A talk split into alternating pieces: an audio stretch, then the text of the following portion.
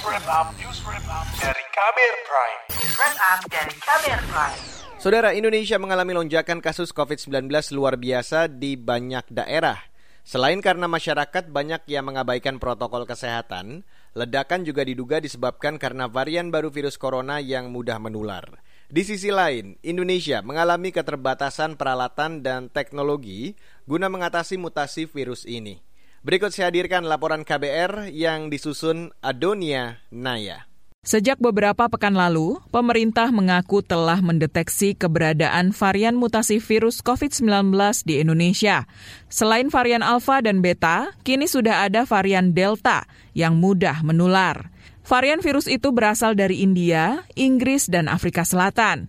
Wakil Menteri Kesehatan Dante Saksono Harbuono mengatakan upaya melakukan pemetaan dan pengurutan genom untuk mengetahui karakter virus varian baru dan tingkat penyebaran mutasi virus COVID-19 masih terkendala proses teknis. Yang harus kita waspadai ke depan adalah adanya uh, mutasi-mutasi dari virus yang terjadi mutasi dari mutan dari virus yang terjadi ini mempunyai kecenderungan untuk lebih cepat melakukan akselerasi penularan. Seperti mutasi dari India, seperti mutasi dari Inggris, itu lebih cepat untuk memberikan tingkat penularan yang lebih eh, dramatis dibandingkan dengan uh, mutan yang normal. Dante Saksono mengatakan kecepatan proses pemetaan genom virus juga masih terbatas. Kendala kecepatan proses ini mengakibatkan virus menyebar dengan cepat.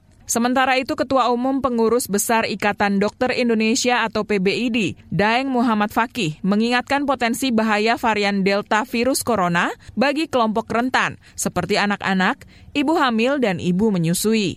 Fakih mengatakan varian mutasi ganda dari India itu sudah banyak menular kepada warga berusia muda.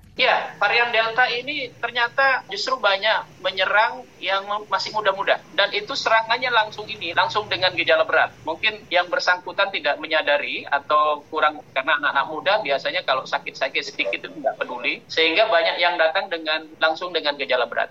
Ini yang menjadi concern sekarang kawan-kawan di dokter, supaya masyarakat itu dengan gejala yang mungkin masih ringan, jangan jangan lengah begitu. Itu harus cepat ditangani karena penanganan COVID ini, ya pengalaman kami selama satu tahun lebih, kalau orang yang menderita COVID cepat ditangani, itu angka kesembuhannya lebih tinggi. Jangan sampai terlambat, apalagi sudah mengalami gejala sedang atau perburukan.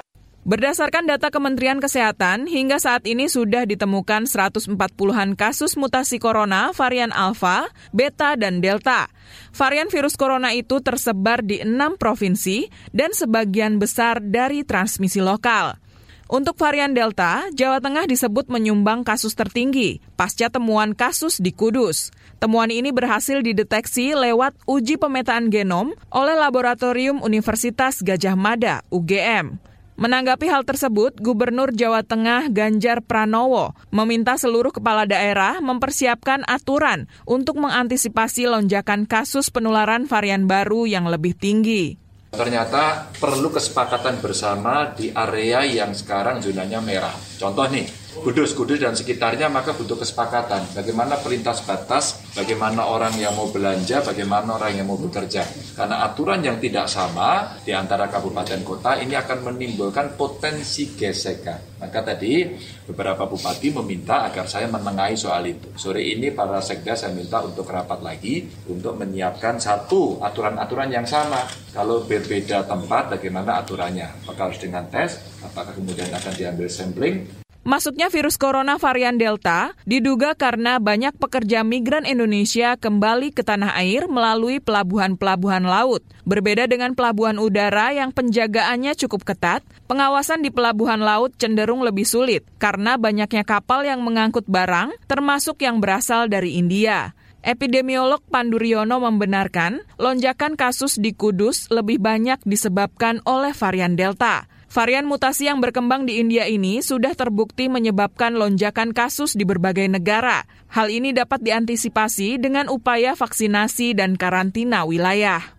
Jadi kalau kita menutup suatu wilayah untuk sementara, hmm. itu kita berusaha mencegah supaya perluasan delta virus itu tidak meluas ke wilayah lainnya. Dan kemudian kita lacak isolasi dan kemudian kita melakukan vaksinasi pada wilayah tersebut sehingga kita bisa mengkonten, intinya bisa bisa mengatasi wilayah itu tidak perlu menyebar ke wilayah lainnya. Nah itu ada sudah diajarkan dan sudah ada regulasinya di dalam undang-undang karantina. Nah itu yang harusnya diimplementasikan oleh pemerintah Laporan ini disusun Adonia Naya. Saya Astri Yuwanasari.